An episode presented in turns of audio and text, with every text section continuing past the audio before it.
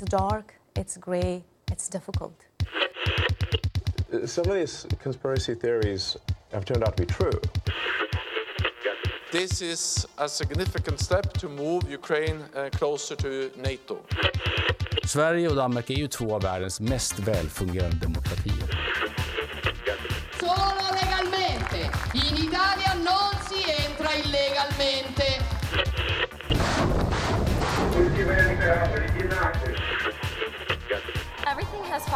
Place. I feel really good about where I am right now. Fredrickson of Denmark and uh, the, the Minister Jacoba, the daughter of Ireland. Do you guys ever think about dying?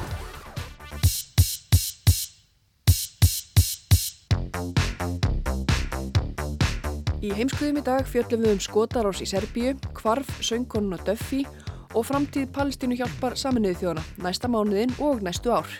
Ég heiti Birta Björnstóttir. Og ég heiti Bjarni Pétur Jónsson. Í vikunni hófust réttarhöldi við fóraldrum dreng sem skauð tíu til bana í grunnskóla í Belgrad í Serbíu í fyrra.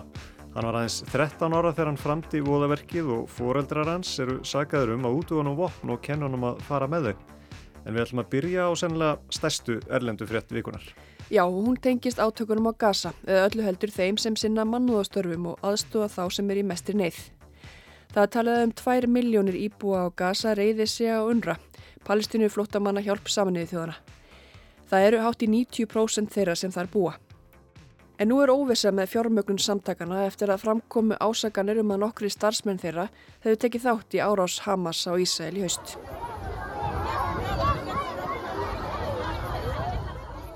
Það er ekki matur fyrir alla, hungursneið vofir yfir á Gaza.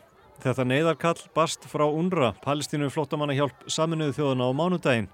Hér undir heyru við í hópi fólks sem er að mestu konur, liklega vel á annað hundrað, sem býða eftir brauði í borginni Der al-Balla um miðbygg Gaza. Og það er óta og óvissu og stundum skelvingu að sjá í andlindum þeirra, af því að það er ekki til brauð fyrir alla. Ég er einn af þeirra, ég er einn af þeirra, ég er einn af þeirra, أنا أرملة ولولا الوكالة اللي بتعطينا إياه Þetta er Saba Ali Savi sem býr í Der al-Balla. Hún er ekki og reyðir sig algjörlega á unra og mat sem hún fær þaðan. Hún segir að það séu margar ekkjur í sömu stöðu. Dalið er að rúmlega 2 miljónir íbúa Gaza reyðir sig á aðstóð unra. Neiðarkallið sem sendt var í vikunni hefur farið fyrir ofangarð og neðan, ef svo má segja. Eftir að 12 starfsmenn unra voru sakaður um að taka þátt í árás Hamas í Ísæl 7. óttúber og óvissa ríkir um framtíð og fjármögnun stopnarinnar en flottumannahjálpin hefur verið nokkuð umdeild lengi.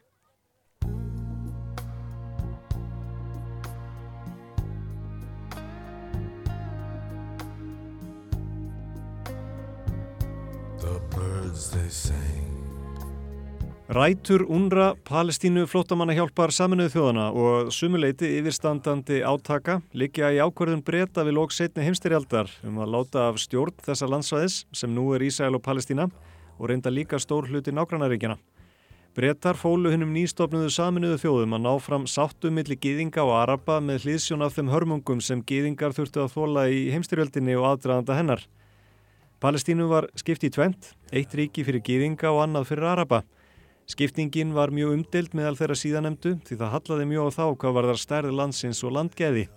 Stríð braust út 1948 þegar nokkur Araparíki sendu hersveitir til að berjast gegn nýstofnuðu Ísælsríki en Ísælsmenn náðu að verjast árásum með mikilli aðstóð erlendis frá.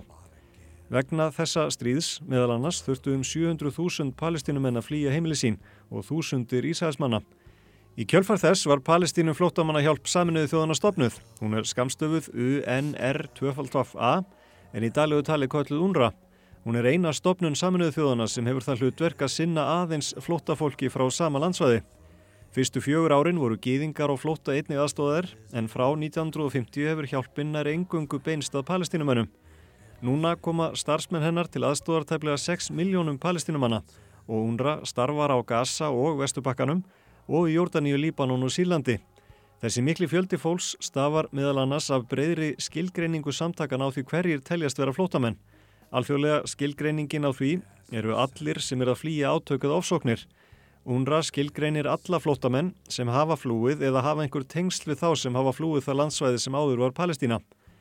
Þessi skilgreining hefur flægt stöðu unra og hún fyrir vikið oftar dreygin inn í deilurnar. Það gerðist í síðustu viku um svipa leiti og tilkynnt var um bráðabyrða niðurstöði í máli gegn Ísraels ríki sem sagaðir um þjóðarmorð á Gaza. Þá sögust Ísraelsmenn hafa sannanir fyrir því að minnst 12 starfsmenn flottamannahjálpar saminuð þjóðana af rúmlega 13.000 hafi tekið þátt í hrottalegri árás Hamaslið á Ísrael þann 7. oktober. Þetta var til þess að mörg ríki, þar meðal þau sem leggja mest til stopnarinnar, Bandaríkin og Þískaland, fristu fjárframlög sín og þetta gerðu fleiri ríki þar á meðal Ísland en það er enn óljóst hversu lengi fjármagnið býður. Greta Gunnarsdóttir, yfirmaður sendiskrifstofu UNRA í New York, segir að starfsmörunum hafi verið sagt upp strax og innra eftirliti saminuð þjóðana falið að rannsaka ásakanirnar. Hún segir málið alvarlegt og afleðingarnar ekki síður en staðan á Gaza megi ekki glemast. Ástandið á Gaza er skelvilegt, það er algjörlega skelvilegt. Fólkið, sérstaklega fyrir norðan, að, að það er nú þegar þessi kannski hungursneið en fólk er hungrað og það er á barmi hungursneiðar og uh, við erum lang, lang stærsti aðilin á Gaza. Og uh, ef að uh, þessi ríki endur skoða ekki afstöðu sína því þannig erum við með stærstu framlagsríkin og meðal þessara 16 ríkja sem við erum með núna að þá getum við ekki starfað lengur en til loka februar UNRWA er líflína miljóna og það sem íbúar Gaza treysta á umfram flest annað. Hún er hryggjar stikkið í allir í mannúðarastóða Gaza og starfsmenn hennar dreifa megnin af þeirrim neyðarastóð sem þangað best. Ef starfseminn stöðvast eða miklar trublanir verða, er þið neyðin mun meiri. Og þó að áhersla núna að koma fólki í skjól, gefa því að borða og drekka, þá er stofnuninn að jafna þið stór vinnuveitanda á Gaza. Yfir 80% af fjárframlögum frá saminuð þjóðunum fara í launakostnað til starfsmanna stofnarinnar sem flestir eru kennarar og þeir eru flestir heimamenn. Það þarf því ekki að koma óvart að innan Palestínu hjálparinnar sem á þessar djúbu rætur og gasa finnist starfsmenn sem hafa tengst við Hamas. Það er þó öllu alvarlegra ef gögn sem Ísælsmenn segjast hafundur höndum sína að tólstarfsmenn hafi átt beinan þátt í árós Hamas og jafnvel tekið þátt í henni. Filipe Lazzarini, yfirmaður UNRWA, hefur þegar rekið nýju af þessum tólf en óvíst er um hinn að þrjá. Rannsóknir þegar hafinu ásökunum og alþjóðlega rannsóknir hafa verið bóðar en er alls ekki fyrsta deilan eða ósættið sem kemur upp innan UNRA. Árið 2017 var skólastjóra eins af skólunum sem stopnunin rekur á gassa vikið úr starfi eftir hann tók sæti í flokksráði stjórnmálarhefingar Hamas.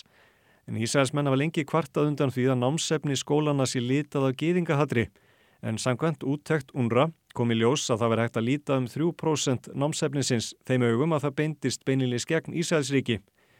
Forsvarsmenn UNRWA hafa einnig greint frá alvarlegri tilvikum í fortíðinni eins og Vopn Hamas hafi fundist falin í skólum flótamannahjálparinnar. Markir Ísælsmenn vilja ekkert frekar en að UNRWA hverfi og ný, málefnaleg og uppbyggileg stopnun kom í staðin eins og Benjamin Netanyahu fórsættis ráð þeirra Ísæls orðaði það í vikunni. Were complicit in the massacre. And I think it's time that the international community and the UN itself understand that UNRWA's mission has to end.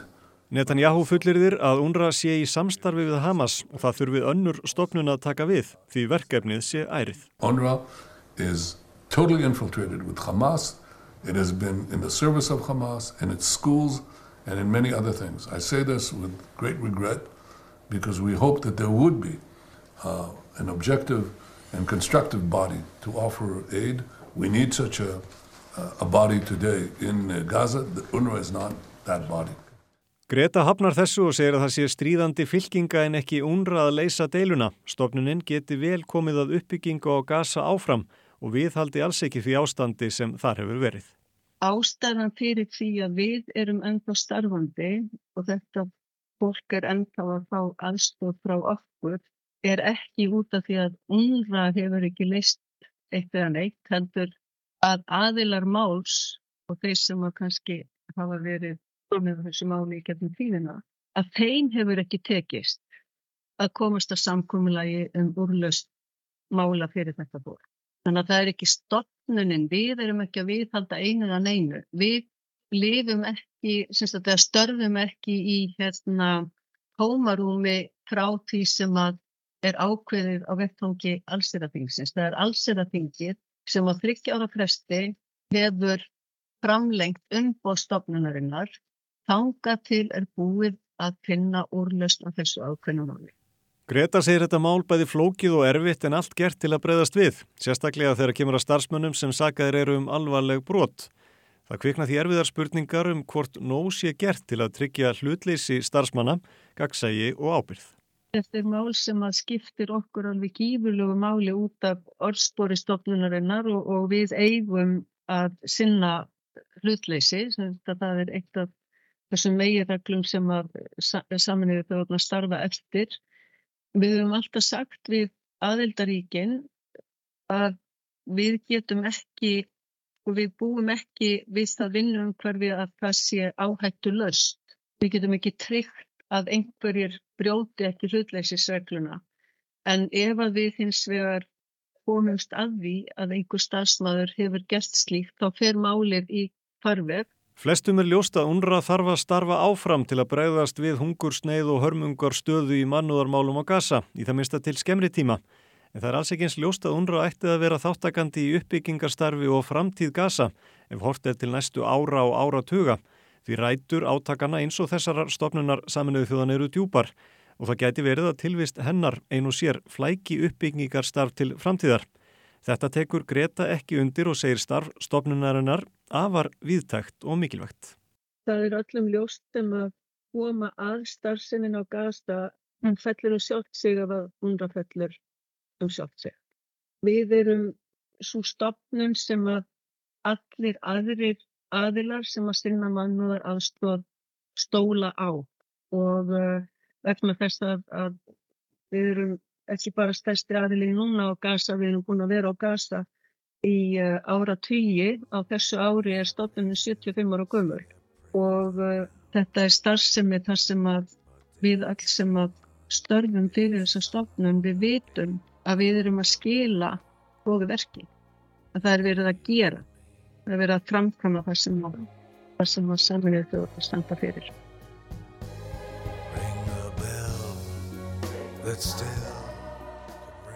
En nú skulum við snú okkur að allt öðru. Réttarhöld hóist í vikunni yfir foreldrum serbnesk strengs sem skauti fyrra tíu til bana í grunnskóla í Belgrad, höfuborg Serbíu. Drengurinn sjálfur er ekki nema 13 ára og er vistaður á viðeigandi stofnun vegna þess hvað ungur hann er. Foreldrunum er meðal annars gert að sög að hafa þjálfaðan í meðferð skótofna. Birta skoðaði þetta mál.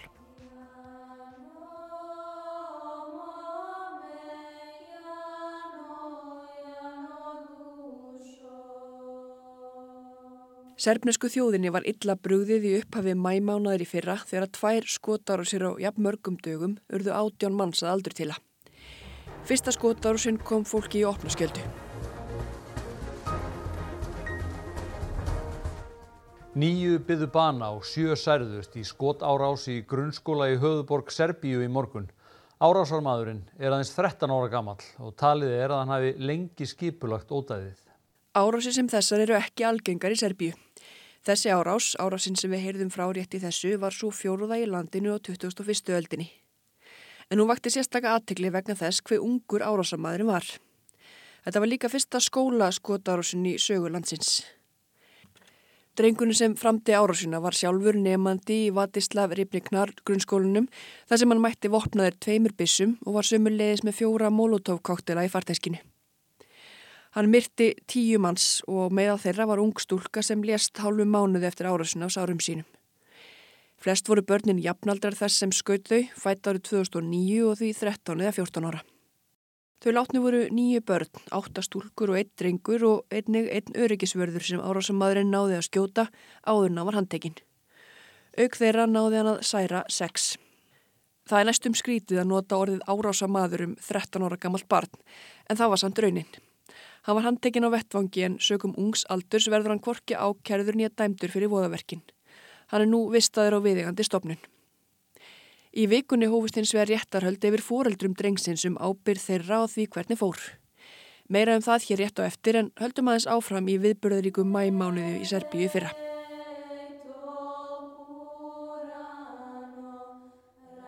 Dægin eftir skotar og svona í skólunum hóf annar maður skotrið í nákrenni Belgrad með sjálfverkum rifli. Hann myrti átta og særði fjórtán í árásinni. Þeim árásamanni var enda líka byrt ákjæra fyrir þessari viku. Hann er ákjæri fyrir morð, mannrán og ólöglega vopnaegn. og eins og í tilfelli skotárásunni í skólunum er fadir árásamannsinn sömuleiðis ákerður fyrir vörslu ólögleira skotvopna. Þessi vika var sem sé viðburðaríku uppgjöri vegna þessar að tveggja mannskeðu skotarása í Serbíu fyrra. Í fyrsta sinn í sögu Serbíu var líst yfir þryggjadaga þjóðarsorg og serbneska þjóðin kallaði eftir aðgerðum. Og óskalistin var alls konar, óskað var eftir breytingu á skotvopnulögjöfinni, breytingu á sakhæfisaldri og banni við óðbeldisfullu sjónvasefni svo fátt eitt sér nefnt. Lauraglann fór í frekari æfingar til að vera viðbúnari árásum sem þessum. Fjölmenn mótmæli fóru fram víða um Serbíu í kjölfar árásuna vikum og mánuðum saman. Þar stóði spjótin að fórsetanum Alexander Vudic og honum leið á hálsi fyrir að hafa alið á sundrungu og skálmöld í heimalandinu sem á þegar blóði dreifna baksögu. Fórsetin Vudic búiði lögjöf sem myndi fækka skotvopnum í landinu og stjórnvöld hrindu þannig afstæða átæki þar sem fólk var kvart til að skila inn ólögulegum vopnum. Lofað var að yngir eftirmálar byðu þeirra sem skiluði inn ólögulegum vopnum. Og það er vist að nógu að taka. Skotvopna eign í Serbíu er svo mesta í Evrópu. Þar eru um 39 skotvopp fyrir hverja 100 íbúa en í Serbíu búa tæpar 7 miljónir. Serbíu er í þriðja sæti yfir skotvopna eign á hvern íbúi í heiminum og eftir bandaríkinum og Jemen. Talsvert af þeim skotvopnum sem enn er í umferð í landinu eru frá tímum Kosovo-stríðsins og annars ófriðar á Balkanskaga.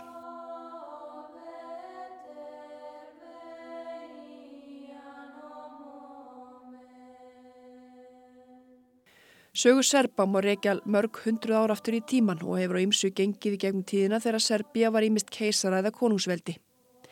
Í setni tíð hefur Serbia verið í einu aða hlutverkan í atbyrðum á Balkanskaga eftir upplösn Júkostafi. Þar ber líklega hæst deila þeirra við nákvæmlega ríkið Kosovo. Eftir blóðut stríðir lísti Kosovo yfir sjálfstæður 2008 með stuðningi við að, nema alls ekki frá nákvæmnum í Serbíu sem telja Kosovo sem hluta af sínu eigin landi. Deila með Kosovo á sér langa sögu en ætli nýleg milliríkja deila um bílnúmeraplötu sé ekki óvæntasta byrtinga með hennar. Hallgrimur Indreðarsson fjallaði málið í heimskveðum fyrir rúmu ári og deilan snýrist í stuttu máli um nýja reglur sem skikkuðu serba í norðluta Kosovo til að hafa þarlenda númerarplötur á bílum sínum, auk þess að vera með ný skilríki í stað þeirra serbnesku. Lögjöfin lagðist vægasatt illa í serba.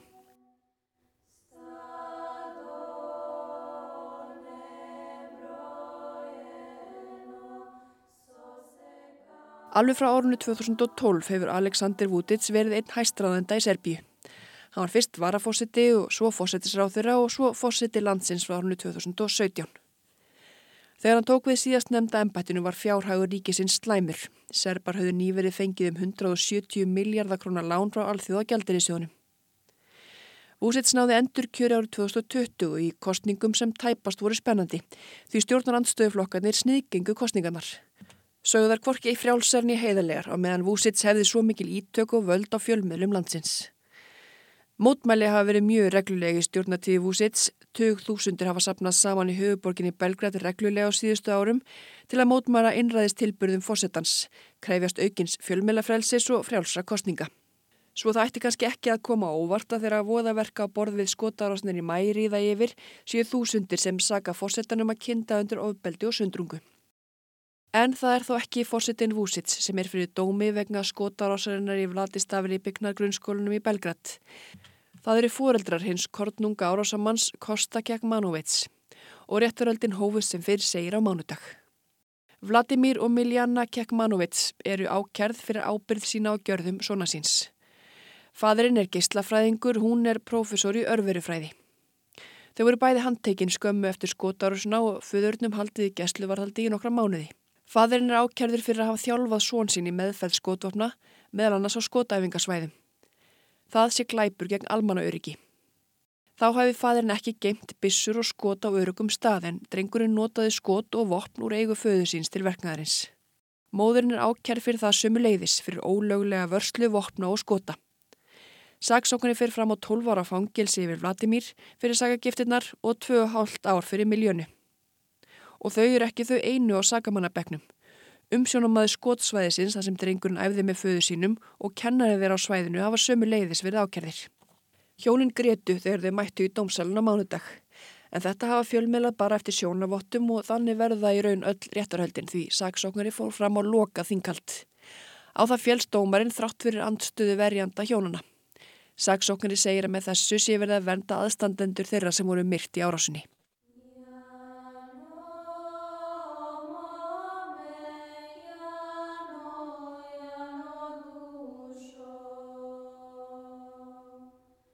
Fóreldrarnir hafa ávalt haldið fram sakleysi sínu og segjast enga ábyrg bera á því að svona fór. Móðir árásamannsins segir són sinn hafi verið alveg eins og hann átti að sér að vera þegar hann örlega ríka morgun. Hún hafi skuttlað sýstur hans í skólan þegar hún heyrði fréttinnar af skotarósin í skóla sonarins. Hún hafi flýtt sér þangað þjökuð af áhyggjum um að hann var eitt þeirra særðu. Henni hafi ekki dottið í huga það væri sonur hennar sem væri þarna að verki. Stundarbrjálaði var þetta þó ekki. Lauruglega hefur upplýst um að ódæðið hefði drengurinn skipulagt í lengri tíma og verið með planum í hvaða röð hann ætlaði að láta til skara skrýða inn í skólinu.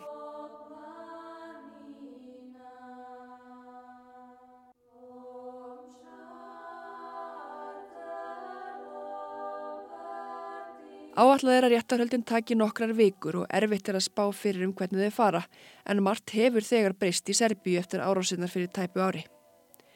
Fleiri en tíu úlingar voru handteknir á fyrstu vikunni eftir árásina, krakkar sem höfðu sett fram misáreðanlega staðhæfingar og hótanir á samfélagsmiðlum um að fleiri skotarusir væri uppsiklingu. Sakhæfis aldur var lækkaður í 12 ár úr 14 strax eftir árásina. Þá voru samþektar með hraði lagabreitingar sem áttu að torvelda almenningi aðgengi að skotornum í landinu. Hvort sem það sé ástæðan eða ekki hafa engar mannskeðar skotar og sér verið framdar í Serbíðu síðan í mægi fyrra.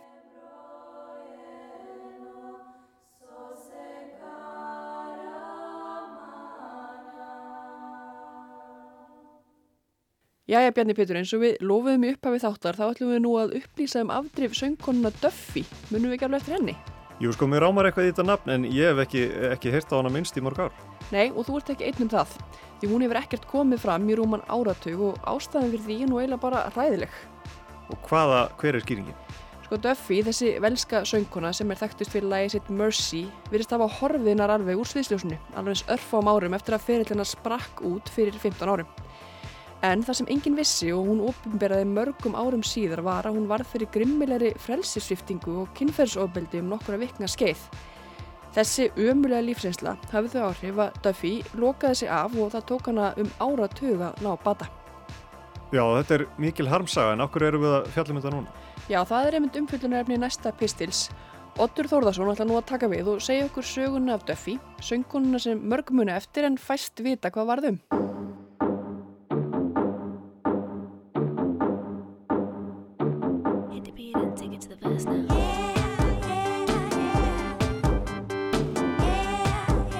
Lægið Mercy með henni velsku Duffy var mikið spilað bæði hér á landi og víðar sömanu 2008.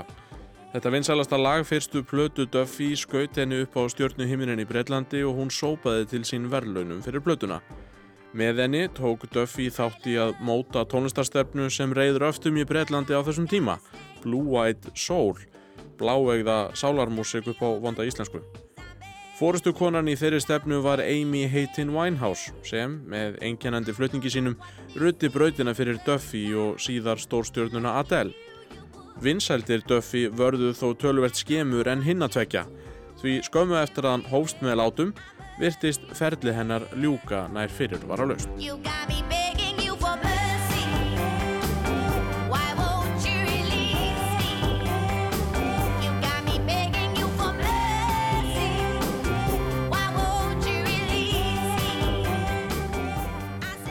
Amy Ann Duffy fættist sent í júni 1984 í borginni Bangor í norðurhluta Wales en ólst upp í Nevin, litlu þorpi í norð-vesturhlutalandsins með fóruldrum sínum tvíbarasistur og einni eldri sistur. Fjölskyldan livði ekki í velistingum. Nevin er um 2000 manna þorp og þar er litla atvinna að fá. Nefnum þá helst í þjónustustörfum en stort hótel er starfrækt í bænum og gálvellir allt í kring. Sveitaparadís fyrir efnaða borgarbúa. Þegar Duffy var tíu ára skildu fóröldrarinnar og hún flutti í enn sefjulegra þorp, Letterstone í Pembroke skýri í söðurhluta Wales. Fyrir stórhuga táningstelpu eins og Duffy var þetta eins og fara úr öskunni í eldin. Síga fór á ógæfulhiðina hjá fjölskyldunni þegar Duffy var 14 ára árið 1998. Kynni móður hennar af manni úr nýja heimabænum dróðu dilka á eftir sér því fyrir um eiginkona mannsins réð leigumorðingja til að myrða hann og varð fjölskyldan að flytja í skjólshús lauruglunar í Pembrokeskýri. Eiginkonan fyrirverandi var á endanum dæmdi í þryggja og hálsás fangelsi á samt nýjum manni sínum sem tók virkan þátt í ráðabrökinu.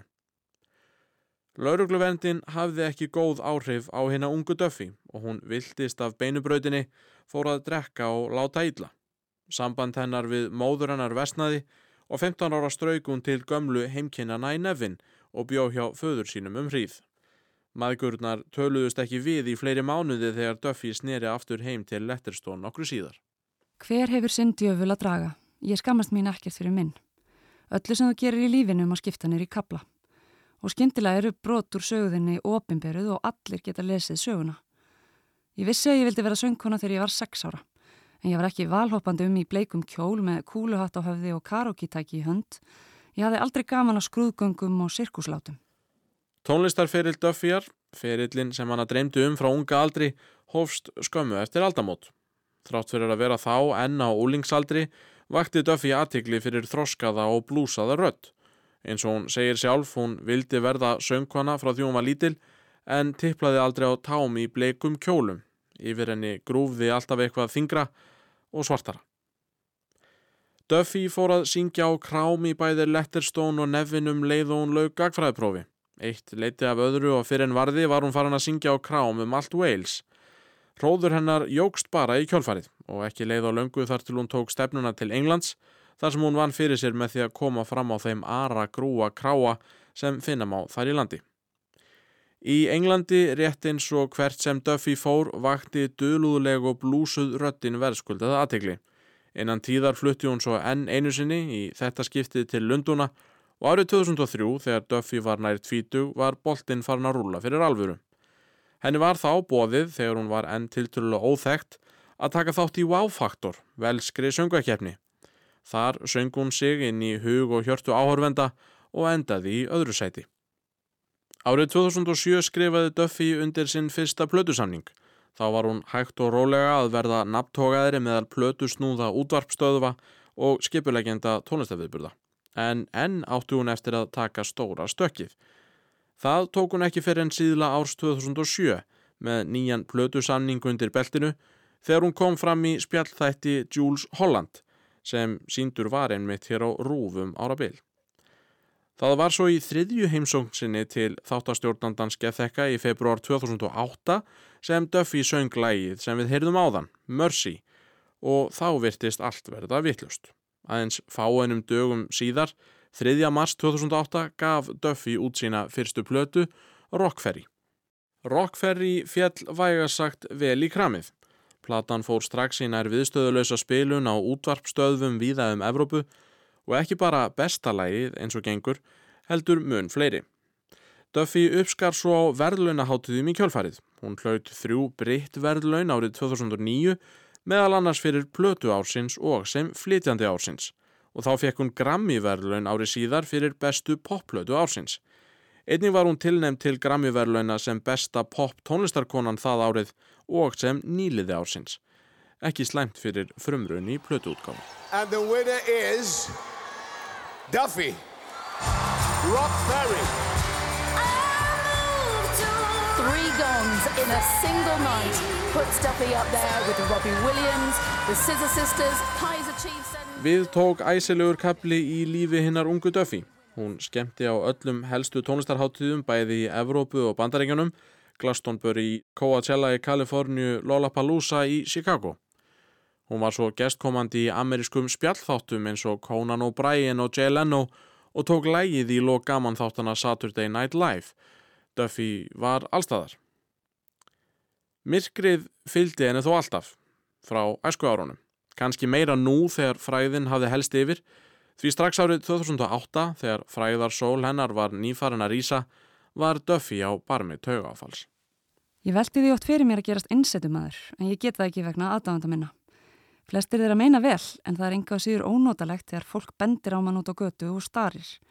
Maður verður hrættur um að ímynd fólk samanni breyti því hvernig maður sjálfur er. Duffy fór í tónleikaferðalaga eftir útgáfu Rockferry og stegi á svið í 14 borgum í bandaríkanum. Ferðalagið gekk á afturfótunum. Því í Cleveland varð hún fyrir því óhafi að það kviknaði í hárun á henni á sviði og í New York varð hún að byggja tónleikargesti afsökunar þar sem hún brast fyrirvaralust í grát og gatvarla haldið tónleikunum áfram. Hún sagði við tónleikargesti að þetta gerðist á um 15. hverju tónleikum af einhverjum ástæðum sem hún sagðist ekki skilja sjálf.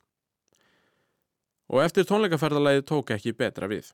Duffy fór aftur inn í hljóðver, hafandi skiptum umbóðsmann í einhverju bríari og tók upp nýja plötu, Endlessly, sem kom út árið 2010.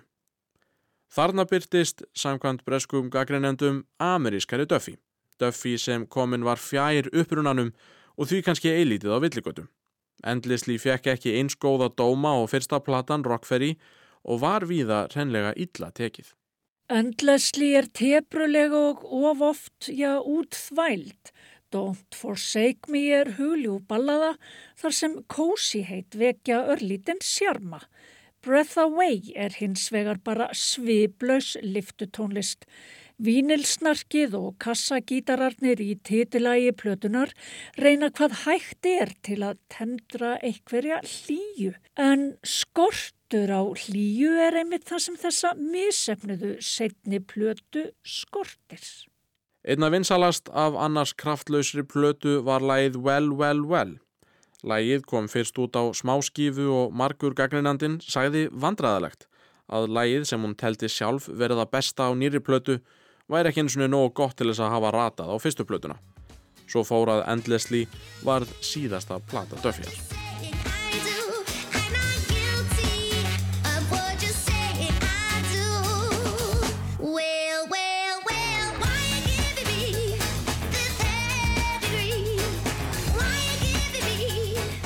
Árið síðar, þegar aðdáðandur hennar, sem voru fjölmarkir, voru farnir að býða óþreyju fullir eftir meiri músík, tilkynnti Duffy að hún hefðist takað sér frí frá tónlistinni í minst tvö ár áður hún tæki upp sína þriðju plötu. Síðan eru liðin meira en tíu ár og enn bólar ekkert á þriðju plötu Duffyar. Eftir nokkur misseri virtist fólki sem Duffy hefði horfið af yfirborði jarðar, allt jænt hægt að gefa út tónlist og koma fram í bíómyndum, eitthvað sem hún hafði tekið upp á að gera þegar að vinsældir hennar júkust. En þegar heimsfaraldur COVID-19 var ný hafinn og útlitið var sem svartast, bóluefni höfðu ekki enn litið dagsins ljós, þá skaut Duffy aftur upp kollinu. Það ryggir mig að þessi saga mín sé mjög sorgleg þegar marga skortur ekki beint sorg í sínu lífi. Ég vona bara að þessi orð mín geti verið sem andartakströflun frá þeirri sorg eða kannski veitt smá huggun og fólk sjáu að það er hægt að sigrast á hennu myrka í lífinu. Duffy byrti færslu á Instagram snemma árs 2020 þar sem hún sagði frá því hvers vegna hún hefði hvergi sérst í hartnær áratug. Henni var rænt, sagði hún, nöðgað og haldið í gíslingu um nokkura vikna skeið. Aðdáðundur Duffyar og menningarbladamenn tóku andkvöf yfir þessum fréttum. Færslan á Instagram var stutt og Duffy gaf ekki mikið upp um þessa hræðilegu lífsenslu. Nokkrum dögum síðar byrti hún þó lengri útgáfu sögusinnar á sérstakri vefsíðu sem enn er aðgengilegt, ólíkt Instagram-fæslinni. Ef þú ert að lesa þetta, vil ég vara þig við því sumt geti valdið er óþægjendum. Þessi saga mín fer hverki, hún verður alltaf hérna á vefnum.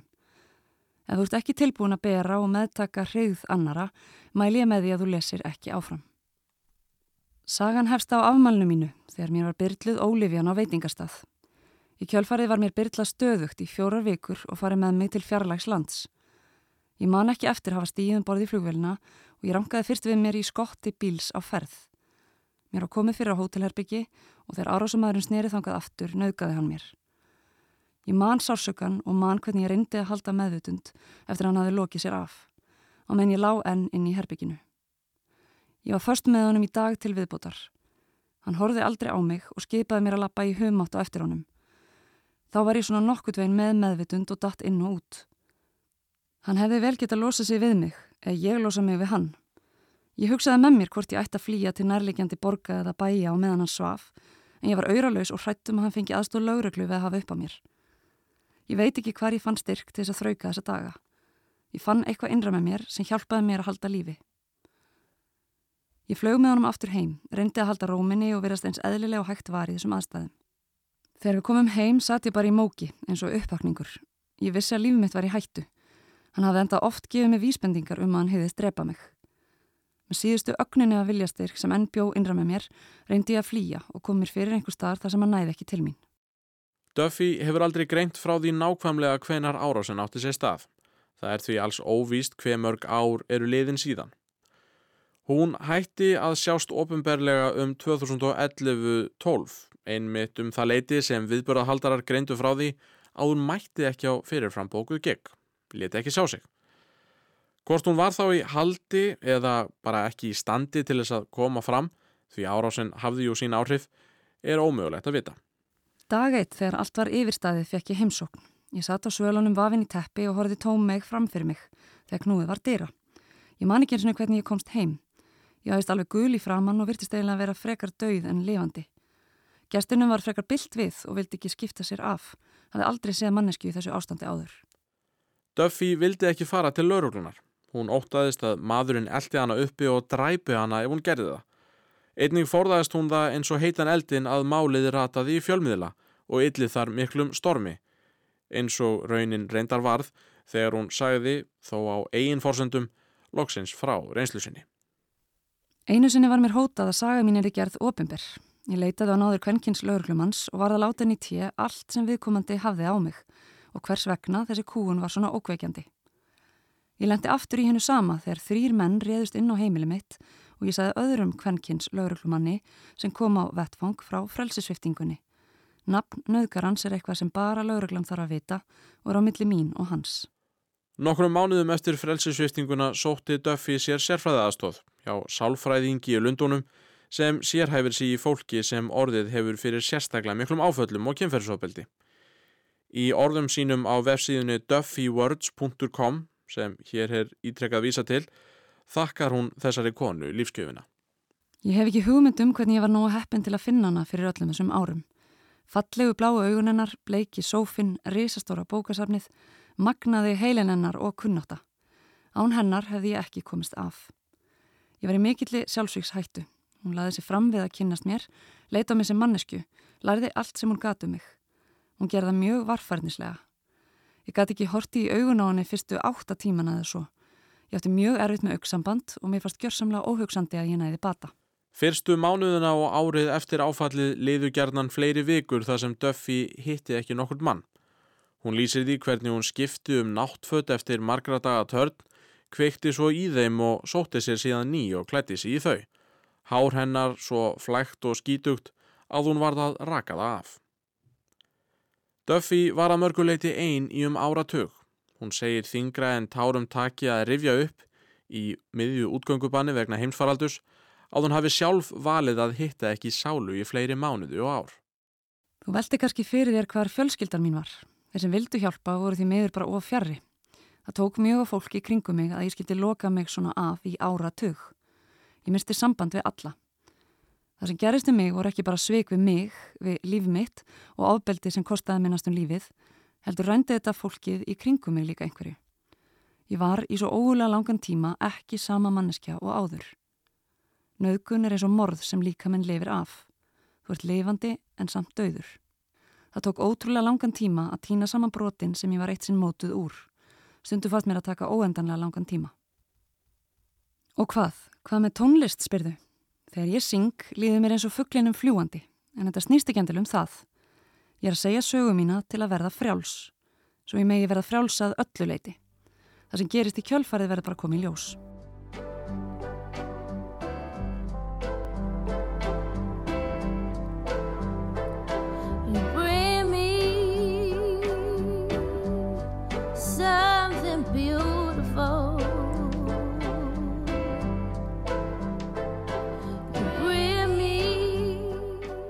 Skömmu áður en Duffy byrti sögu sína gaf hún út lægið Something Beautiful sem frumflutt var í þætti Joe Wiley á BBC Radio 2.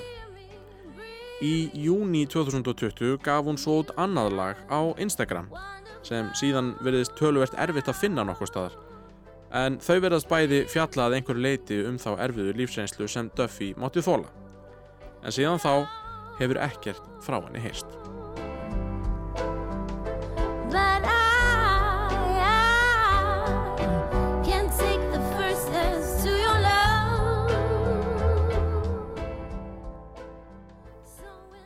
Eins frelsandi og það var að segja lók sögu sína og fá að syngja þó það væri bara í útvarpi, þá mun ég núna hverfa aftur inn í þögnina og halda mig útaf fyrir mig. Þakkir sendi ég Joe Wiley fyrir að leifa lægi mín á hljómi í útvarpi á þessum viðsjárverðu tímum. Það skipti mig miklu máli. Og ég veit reynilega ekki hvað kemur næst í mínu lífi. Ég væri til að upplifa sjálfa mig eins og ég raunverulega er. Í fyrsta sinni í rauninni og alveg í friði. Ég væri til að finna frið sem ég hef til þessa aðeins fundið til háls. Ég get loksins að skilið við þennan áratug og skilið hann eftir í fortíðinni þar sem hann á heima. Vonandi verður ekki meira um hvað var þeim Duffy spurningar. Núna vitið þið hvert svarið er. Og ég er frjáls. When I get to Warwick Avenue Meet me by the entrance of the tube Og þá er ekki fleira í heimskviðum á þessu sinni. Við verðum mér aftur á sama tíma í næstu viku. Takk fyrir að hlusta. Promise me